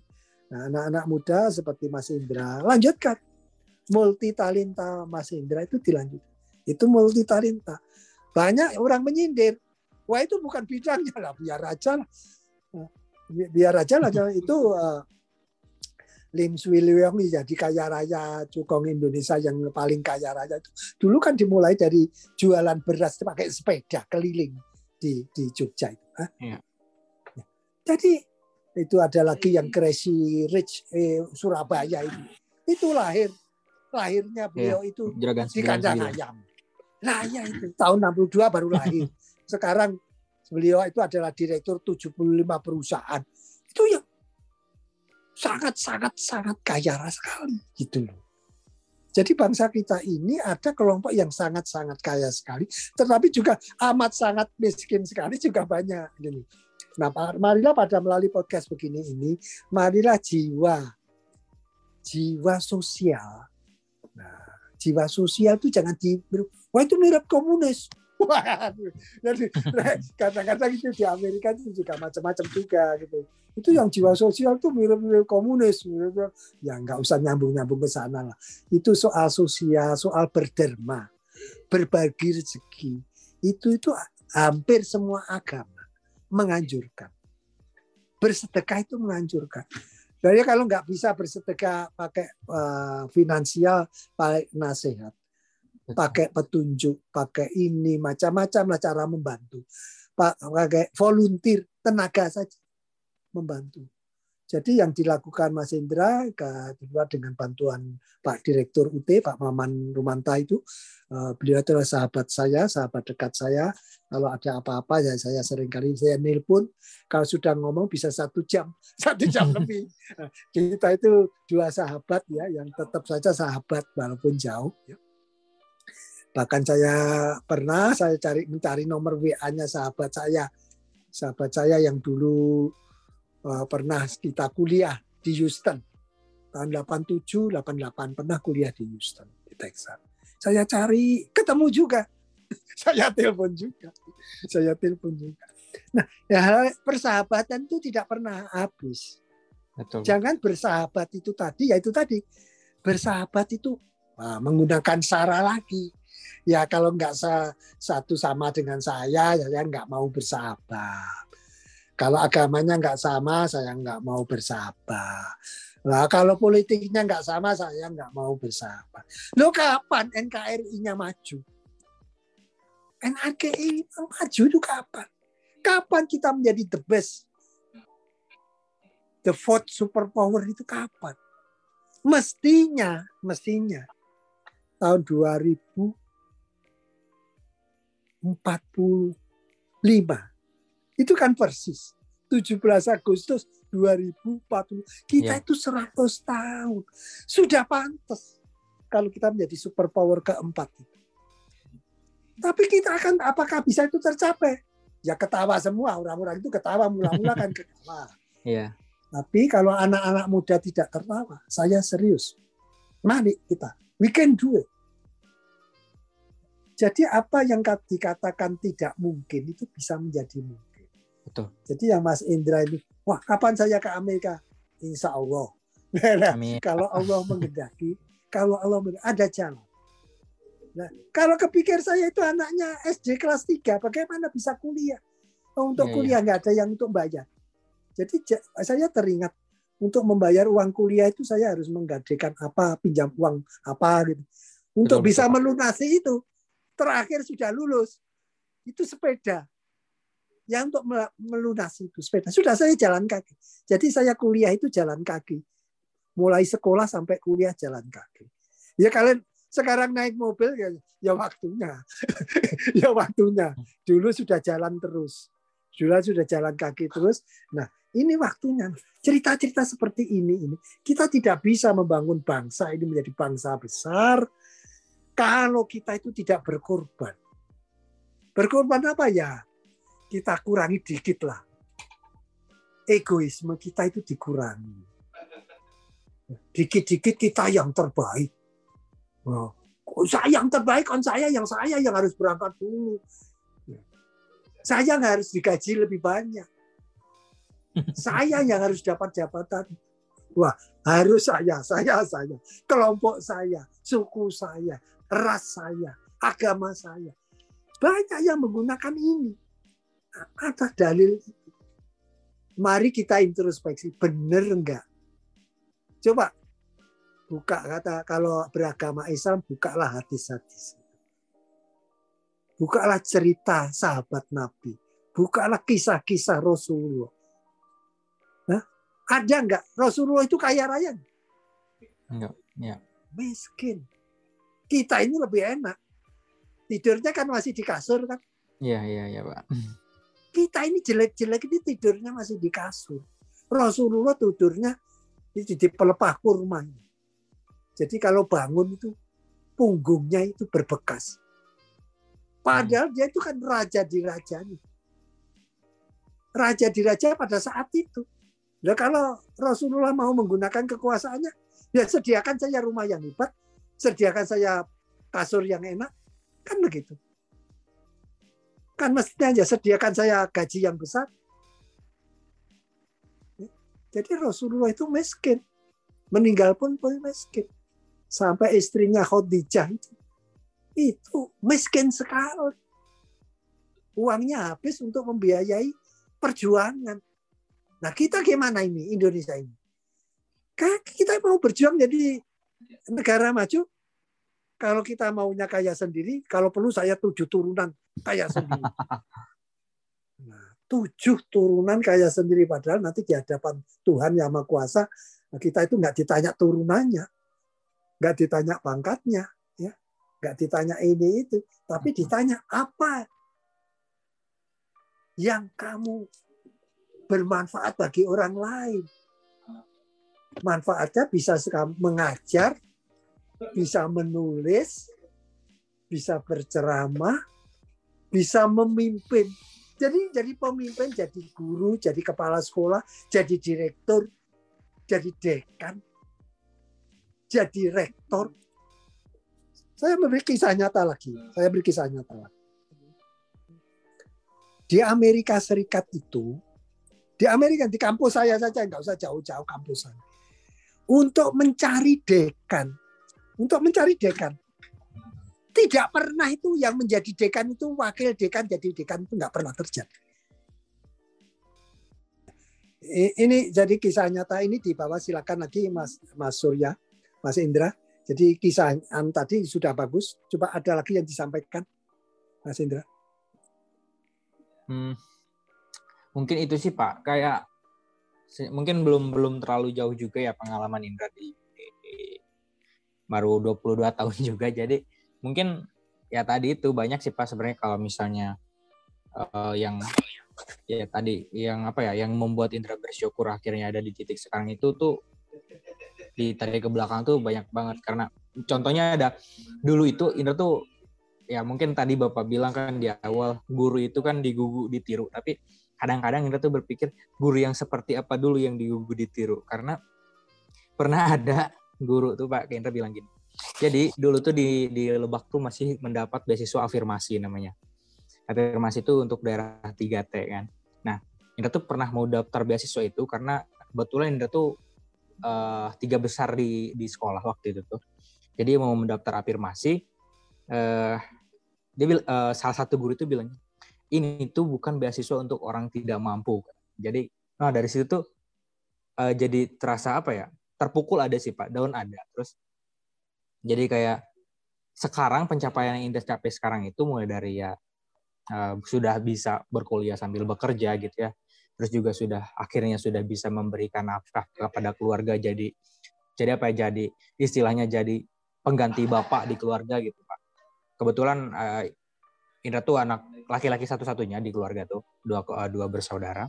Jadi di rumah itu ada mama sama bibi bibi bibi adik sama mama gitu sama teteh.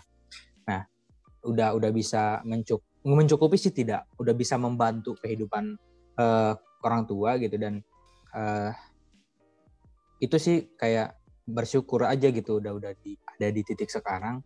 Itu juga berkat bantuan semuanya tadi tadi yang apa link-link uh, channel-channel yang Indra punya. Uh, beasiswa juga eh kuliah juga sel selain Indra di dikaryakan di UT juga diberikan di cover oleh beasiswa oleh UT semenjak semester uh, semester semester 4 itu udah di cover beasiswa sama Pak Direktur sama Pak Rektor. Uh, karena itu tadinya Indra juga mau berhenti kuliah tuh Pak. Mau putus kuliah di semester pas bapak meninggal tuh di semester berapa itu ya? Semester berapa gitu. Karena iya tadi uang uang uang apa namanya uang tabungan itu habis untuk biaya rumah sakit bapak gitu. Memang sih bapaknya mah di di di cover oleh BPJS tetapi kita keluarga yang yang nunggu kan.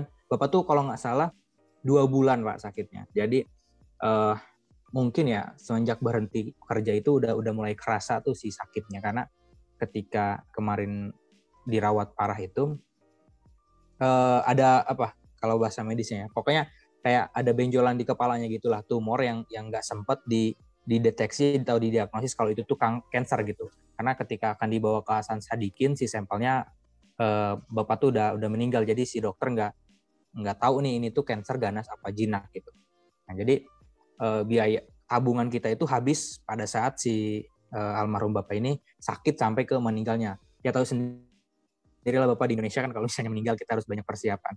Nah, jadi kita waktu itu sempat bingung juga mau ngelanjutin kuliah apa apa langsung apa langsung nyari kerja tuh waktu itu di mungkin sekitaran Juli 2019 itu hampir mau putus kuliah mau mau cuti dulu gitu cuti dulu karena uh, bingung mau mau nyari biaya di mana kebetulan juga waktu itu uh,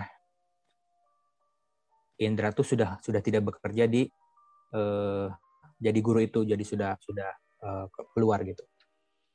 Nah akhirnya uh, ketemu sama Pak Direktur waktu itu sama beberapa manajer juga uh, untuk diajukan beasiswa. Nah akhirnya alhamdulillah diajukan tuh beasiswa dan sampai sekarang Pak. Itu sih jadi kayak hmm. uh, apa ya titik pun bukan titik puncak ada pencap ada ada suk, ada pencapaian yang harus Indra syukuri gitu sampai di titik ini gitu pak jadi di balik semuanya di balik Indra keluar dari Utirta kemudian ke, di balik Indra di di dipandang sebelah mata oleh orang-orang karena gagal kuliah kemudian justifikasi orang-orang kepada orang tua Indra yang gagal mendidik anaknya sekarang terbayar oleh segala penghargaan dan pencapaian Indra yang terima sampai titik ini bagi Indra ngobrol dengan Bapak sekarang ini, malam ini juga adalah sebuah penghargaan yang luar biasa. Tidak semua mahasiswa UT, tidak semua warga Indonesia berkesempatan untuk ngobrol dengan Bapak gitu. Ini juga salah satu pencapaian dan prestasi yang patut Indah banggakan, Pak. Itu, Pak. Iya, balik lagi tadi saya anu ada kata guru di gigu, di gugu lan ditiru. Nah, ternyata pada kasus yang Indra alami uh, dengan keterbatasan yang ada, banyak guru-guru itu yang tidak banyak membaca pengalaman orang lain. Jadi contoh-contoh seperti itu ya tentu saja bukanlah uh, yang bagus mestinya seorang pemimpin, seorang guru harus memberi kesempatan. Betul. Sebanyak-banyaknya kepada anak-anak didiknya. Kalau tidak, ya akhirnya seorang guru itu harus mencari kesempatan mencari beasiswa untuk anak-anak muridnya, mencarikan jurusan yang pas. Ini sebetulnya fungsi fungsi guru itu luar biasa. Makanya kalau di sekolah-sekolah yang sudah ter, terbagus gitu ya, itu ada yang sampai pada bimbingan bimbingan counseling itu. Ada sampai kepada karier itu juga ada. Sampai sampai pekerjaan penyaluran pekerjaan itu sudah ada. Nah di di luar negeri juga banyak hal-hal yang semacam ini. Bahwa orang Amerika itu jangan dikira ini enak terus. Enggak. Mereka itu kebanyakan imigran. Gitu loh. Iya. Orang Amerika itu datang misalnya saja dari uh, ya kalau Indonesia itu terlalu sedikit ya. Orang Indonesia itu terlalu sedikit. Orang Indonesia. Tapi negara lain seperti Cina, India, ya Cina, India, eh, terutama Eropa itu besar-besaran, termasuk Rusia Amerika Selatan itu pindah ke Amerika itu nggak satu nggak dua. Kalau perlu sak kota. Itu ini ini ada New Holland ada Moskow ya. New New York. Ya itu dulu dari kata York di kota di Inggris UK United hmm. Kingdom. York. Dinamakan New York karena orang York itu pindah ke kota itu di Manhattan itulah disebut lagi daerah New York. New Hampshire. New itu nama-nama itu asal sama kalau kita di kalau kita di Indonesia itu ya. Uh, dulu itu ada pindah, pindah itu karena politik, karena transmigrasi. Uh, kalau dulu ada di zamannya Pak Harto, di zamannya itu atau Pak Karno, Bung Karno dulu, itu orang-orang itu disuruh transmigrasi. Orang-orang, nah transmigrasi lah dari Jawa ke Lampung. Nah, coba nama kota-kota di Lampung ini ada namanya yang namanya kota Pringsewu. Mana? Kalau nggak mhm. dari nama Jawa itu, Pringsewu. Iya. Sprengnya itu kan artinya bambu. Sewu itu seribu. Ya. Jadi kalau sudah nama Preng Sewu, oh ini yang memberi nama itu pasti transmigrans Jawa dulu yang pindah ke Lampung. Dan ini nggak apa-apa. Nah kalau perlu jangan hanya ke Lampung dong, ke Amerika. Gitu loh. Pak Surahman ini lagi memprovokasi. Ya kalau pindah ya jangan kecil-kecilannya, agak besar. Nah, nah kalau pindah besar ya, ya harus bahasanya yang baik, keterampilannya baik. Di Amerika itu asal itu orangnya baik, kerjanya baik. Sopir truk saja, sopir truk. 80 ribu. 80 ribu itu kan di atas 100 juta kan. Per bulan. Iya. Yeah. Sopir truk. Nggak mau. Ya pasti mau kan. Nah ya sudah. Kamu ke Amerika aja. Tapi caranya gimana? Sikap harus diubah. Sikapnya apa? Orang Amerika itu mau mau mengair orang yang enggak dikit-dikit pulang iya iya orang India orang Cina itu kalau sudah ke Amerika nggak mau pulang Jadi orang India, orang Cina, kalau sudah ke Amerika Serikat gak mau pulang, ya pasti dia yang diberi pekerjaan. Maka no ini ahli-ahli IT Amerika itu orang India. Iya betul pak. Nah. Ini kan contoh yang baik kan. Kenapa sih?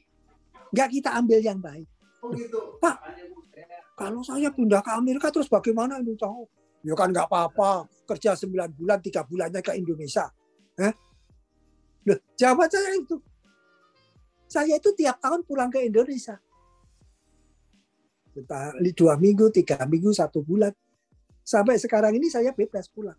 Jadi asal nggak ada COVID saja. Saya itu pesan tiket itu hitungan detik. Menit, satu menit sudah siap berangkat. Tapi ini zaman COVID. nggak boleh. Amerika bilang kamu nggak boleh. Yeah. Nggak boleh masuk Indonesia. Jadi ini, jadi teman-teman semua, saudara-saudara semua. Nggak apa-apa orang Indonesia itu sekolah di Amerika, nggak apa-apa. Lu itu sekolahnya orang kafir. Gimana orang di di sini orang Islamnya juga mulai banyak. Di sini ada kota kota saya ini. Masjid itu tahun 2001. 2001 masjid itu kalau Jumatan 50 orang. Tahun 2021 berapa? 1000 orang. Pertumbuhannya berapa itu? 20 kali lipat. Nah, ya. artinya apa? Suatu ketika entah 15 tahun lagi, entah 20 tahun, mungkin umat Islam Amerika itu bisa nomor dua gitu. Jadi tadi yang dibilang Amerika negara kafir bisa berubah. Oh enggak. Ternyata donatur terbesar dari Amerika Serikat ternyata orang Muslim. Iya. Pembangunan-pembangunan masjid-masjid eh, apa dompet-dompet duafa yang lain-lain banyak dikirimkan dari uang uang Amerika Serikat. Nah, itu Muslim juga, bukan kafir bukan kafir. jadi jadi uh, anu apa melihat Amerika sebagai negara kafir, negara Amerika negara nuklir, ya nuklirnya boleh lah. Tapi ngebom, ya ngebom itu digunakan jika mana diperlukan, ya. Seperti ini kasus Afghanistan ini, Vietnam kedua, Vietnam kedua. Bingung kita, kita. Tapi ya sudah biarlah. Itu yang ngurusi bagian politik. Kita ini ngambil yang baik-baik saja. Ambil yang baik-baik. Jadi kalau ingin Indonesia ini, ya uangnya harus banyak supaya uangnya banyak, pajaknya harus banyak. Ya kasihan dong Menteri Keuangannya mencari oh, pajaknya sulit. Kenapa yang pajak ya? Orangnya Indonesia malas membayar pajak. Yang kaya, yang miskin apalagi, yang kaya saja masih nawar. Kalau pajak masih iya. nawar. Kalau perlu kerjasama, yang narik pajak dengan yang dipajakin, mestinya bayarnya 100, ah, Ya nggak sudah lah, yang nggak bagus-bagus itu nggak usah kita bisa bahas di sini. Tapi yang penting apa? Pajaknya harus tinggi. Kalau ingin maju. Kalau Indonesia mau maju pajaknya tinggi. Jadi ya harus dari segala bidang tarik pajak, nggak main-main. Kalau perlu warteg pun dipajak. Kenapa? Dan negara ini dapatnya uang dari ini. Ya. Jadi Pak Suraman jangan lupa Pak Suraman ini kelompok pajak juga nih. Enggak enggak juga Pak Suraman sudah di luar. Pak Suraman itu ada ada di luar, tapi saya sayang Indonesia dong. Jangan ya dijelek-jelekan terus pemerintahnya. Ya perkara beda politik boleh lah. Tapi beda hmm. pandangan bisa, beda kebijakan bisa. Tapi jangan dijegal terus dong. Ya. Jadi berbagai kebijakan terpaksa diambil, kadang-kadang terpaksa diambil. Nah masa kita mau beli pesawat terbang, pesawat yang murah? Eh? Kenapa hmm. uangnya nggak cukup? Kapan kita bisa beli F-35 Amerika Serikat? Ya nggak akan bisa. Harganya sangat mahal. Kapan beli kapal selam yang hebat? Ya nggak bisa. Apalagi beli kapal selam nuklir. Padahal lautan kita begitu luas kasihan dong pemerintah kita. Jadi anak-anak muda, teman-teman semua, mari kita ya beda pendapat boleh, tapi ya tadi itu nggak usah kita jegal-jegalan. Karena ada kita mau maju itu harus agak sedikit lari. Betul. Belajarnya dipercepat. Kalau dulu bahasa Inggrisnya menunggu anu pelajaran dari oh sekarang belajar sendiri aja membuat kelompok belajar bahasa Inggris. Gimana nanti bisa di grup buat grup-grupan. Grup WA bahasa Inggris. Lalu podcastan sendiri bahasa Inggris. Kalau perlu ngomong-ngomongan dengan orang Amerika. Gitu. Ya. Nanti saya rekam itu, cucu saya. Mereka nggak pernah bahasa Inggris, masuk Amerika baru dua bulan bahasa Inggris kan. Iya, iya, iya. Ya. Jadi ini otak manusia itu oleh Tuhan yang Maha Kuasa sudah diatur. Makin mudah, makin cerdas. Khususnya dalam bahasa bahasa. Nah, kita apa sudah tamat sarjana sudah nggak mau baca. Kalau anu sudah dapat pangkat ini, oh, sudah pangkat profesor sudah nggak mau baca, sudah nggak yeah. mau menulis, sudah nggak mau penelitian. Nah terus kapan majunya Indonesia? Kapan majunya? Jadi sinilah sebetulnya kisah kita, ya, kisah-kisah seperti ini. Yang sekarang bagaimana kalau ini saya beri kesempatan apa ya? Siapa yang ada di sini? Ibu Adora mau bertanya? Halo? Iya Pak. Ya silakan kalau ber, mau bertanya ke Mas Indra ya. Tanya ke saya juga boleh sih ya. ya. Tapi ke Mas Indra itu yang penting itu beliau itu sukses, masih muda sukses. Nah, Ibu hmm. juga sukses. ya, tapi suksesnya ya tadi itu dimulai dari orang Jawa bilangnya lorolopo. Sengsara sedikit. ya. Silakan ya, Bu. Pak. Bu. Ya. ya. Ya, terima kasih Pak atas kesempatannya. Uh, salam kenal untuk Mas Indra ya. Saya ya, ya. Uh, nama saya uh, Adora, tapi biasa saya dipanggil di lingkungan saya Oya ya. Uh, Alhamdulillah tadi saya mungkin yang awalnya saya tidak mendengar langsung ya tadi uh, sholat dulu ya Pak. Iya. Cuman saya uh, kurang lebihnya saya juga mengalami hal yang sama Mas. Saya dari kecil uh, orang tua saya terutama ayah sudah tidak ada sehingga yang berjuang tuh ibu sendiri gitu ya. Memang uh, di dalam perjalanannya uh, saya terus terang melanjutkan ke dalam perjalanan pendidikan ya, melanjutkan sekolah itu lebih orang tua yang lebih memilih gitu karena kebetulan saya baru pindah dari Jakarta ke Bogor. Nah, saya sih inginnya keluar kota gitu ya. Uh, tapi ya uh, apa namanya karena kakak saya sudah sekolahnya di Bogor ya saya jadi di Bogor. Tapi saya tidak apa namanya uh, berkecil hati ya. Mungkin memang itu jalan hidup saya lah gitu ya. Tetapi saya uh, alhamdulillah juga dalam perjalanan hidup saya itu saya dikaruniai anak yang spesial need sehingga saya di harapkan menurut ibu saya saya dapat PR gitu ya dari Allah itu bagaimana uh, membesarkan anak ini gitu. Sehingga saya juga jadi belajar lagi jadi guru lagi guru anak saya juga. Ya sekarang ini saya alhamdulillah gitu di satu lembaga saya juga dipercayakan untuk menangani program inklusif. Dan saya juga uh, apa pernah jadi guru juga mas dari guru dari pintu ke pintu ya. Guru les guru apa oh, iya. sehingga sampai guru sekolahan juga sampai akhirnya suatu saat dipercayakan juga pernah jadi apa wakil kepala sekolah. Kemudian juga sekarang lebih ke manajemen untuk pendidikannya ke penjamin mutu. Uh, masya allah ya tadi saya mendengar mas Indra juga ya perjuangannya.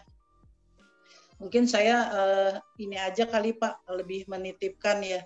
Kadang-kadang yang saya lihat itu anak-anak muda sekarang kebetulan anak saya juga tidak terlalu jauh berbeda ya kelahiran dengan Mas Indra. Mas Indra 99, anak saya 98. Nah, anak saya spesial nih, Mas. Nah, itu uh, saya lihat kalau teman-teman atau saya lagi ngerekrut di yayasan gitu, anak-anak muda di Indonesia ya mungkin tidak semuanya, cuma trennya itu uh, tadi seperti uh, Bapak sampaikan gitu ya, Pak Dimiati sampaikan, kadang-kadang kalau bekerja itu nanya dulu pak kerjaannya apa? gitu. Terus nanti dia akan membandingkan dengan salary yang didapatnya gitu kan. E, rata-rata kalau udah dapat e, merasa salarynya tidak sesuai dengan harapan itu mundur teratur gitu. Atau e, bekerja tapi mungkin e, tidak apa namanya hanya sampai dengan masa kontraknya aja gitu. Setelah itu e, apa e, mengundurkan diri. Nah yang sangat disayangkan saya lihat tuh Eh, mereka itu padahal cerdas. Kemudian juga kalau saya lihat anak-anak sekarang itu kan banyak menggunakan teknologi ya. mereka juga kreatif. Cuman satu yang saya Betul. sayangkan itu kinerjanya Pak gitu, sama apa ya, uh, ya etos kerja sama satu lagi daya juangnya gitu Pak. Kalau saya lihat anak-anak di Indonesia ini nggak tahu kenapa ya karena mungkin uh, kemajuan teknologi juga gitu. Ya tadi Bapak katakan memanfaatkan teknologi tapi mungkin diambilnya ya tadi kalau melihat Amerika ya lihat filmnya gitu. Uh, ngelihat Korea ya lihat orang-orang Korea dengan drakornya mungkin seperti itu. Itu saja sih Pak yang saya lihat anak-anak sekarang gitu. Saya berharap sih anak-anak sekarang itu ya karena di dunianya ya tidak mungkin hidup di dunia seperti orang tuanya. Nah uh, ada baiknya anak-anak Indonesia itu tidak hanya uh, apa kreatif, cerdas dan sebagainya juga etos kerja dan daya juangnya yang lebih tinggi. Itu aja sih Pak. Terima kasih. Iya, Semangat terima kasih Ibu Adora ya. Ini memang ya bagus ya kita sharing pengalaman ini. Kalau ideal saya saya tidak memberi apa-apa, saya hanya uh, mengajak ini yang muda-muda atau yang sudah berpengalaman itu berbagi pengalaman. Ini tidak ada target-target yang harus ini harus tercapai ini. Enggak, karena ini bangsa kita ini perlu lagi prosesnya. Yang sudah berhasil banyak, yang sudah berhasil banyak. Nah, namun kadang-kadang yang seperti yang saya sampaikan tadi, jiwa NKRI-nya belum. Jiwa yang tidak sarah masih ada. Gitu. Jadi jiwa sarah itu berat sekali bangsa kita. Ah, nah, untuk itu gimana kalau anak-anak muda ini sudah atau orang tua sudah oh iya ya ternyata nggak benar juga ya. Kalau karena dikit-dikit kita itu mau membantu orang mau mengajar orang mau menolong orang ya itu masih bertanya siapa kamu dari mana kamu? Apa agamamu?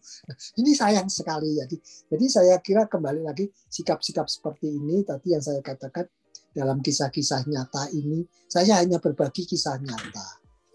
Kisah nyata karena saya lama di Amerika saya ceritakan Amerika yang dikenal Indonesia tidak seperti yang saya lihat 15 tahun terakhir. Tidak totally different termasuk kadang-kadang itu bukan guru-guru ustadz-ustadz, pendeta-pendeta, kalau menerangkan kepada umatnya, jangan mengatakan Amerika itu wah negara begini-begini, yang tanda kutip. Nah, ini kisah-kisah seperti ini, kisah nyata seperti tadi itu, bagaimana guru di Amerika itu dihargai. Jadi seorang jenderal, seorang profesor, seorang datang menggagalkan kuliahnya hanya mendatangi untuk menerima rapot anak-anaknya tadi. Dekan tidak pernah terpilih dari wakil dekannya sendiri. Gitu. Yang menjadi rektor tidak pernah terpilih. Jadi wakil rektornya, menjadi rektor nggak pernah terjadi. Selalu dari luar. Artinya apa? Pemilihan itu bukan berdasarkan sara. Bukan karena teman saya, bukan karena keluarga saya, bukan etnis saya, agama sama dengan saya. Bukan begitu. Nah, contoh yang terbaik inilah mari kita bawa, kita ambil yang terbaik saja untuk Indonesia. Ini kita bagi ya untuk sementara ini kan sudah hampir dua jam ya Mas Indra ya. Eh, Bu Adora juga teman-teman yang lain yang mengikuti. Ya mungkin ini akan kita akhiri. Saya ucapkan terima kasih kepada Mas Indra Bu Adora tadi uh, Ruli, uh, Ruli juga Pak Margono yang mungkin sudah kecapean juga. Kadang-kadang kita itu mengikuti banyak-banyak acara. Nah, saya itu kadang-kadang diundang juga podcast di Indonesia tapi persis waktunya itu setengah 12 malam gitu. Padahal, oh. ya, jadi saya waktunya istirahat besoknya masih harus ke kantor atau kerja ya. Jadi kita berbagi saja. Terima kasih Mas Indra, terima kasih semuanya, terima kasih ya, Ya, Assalamualaikum warahmatullahi wabarakatuh. Waalaikumsalam warahmatullahi wabarakatuh.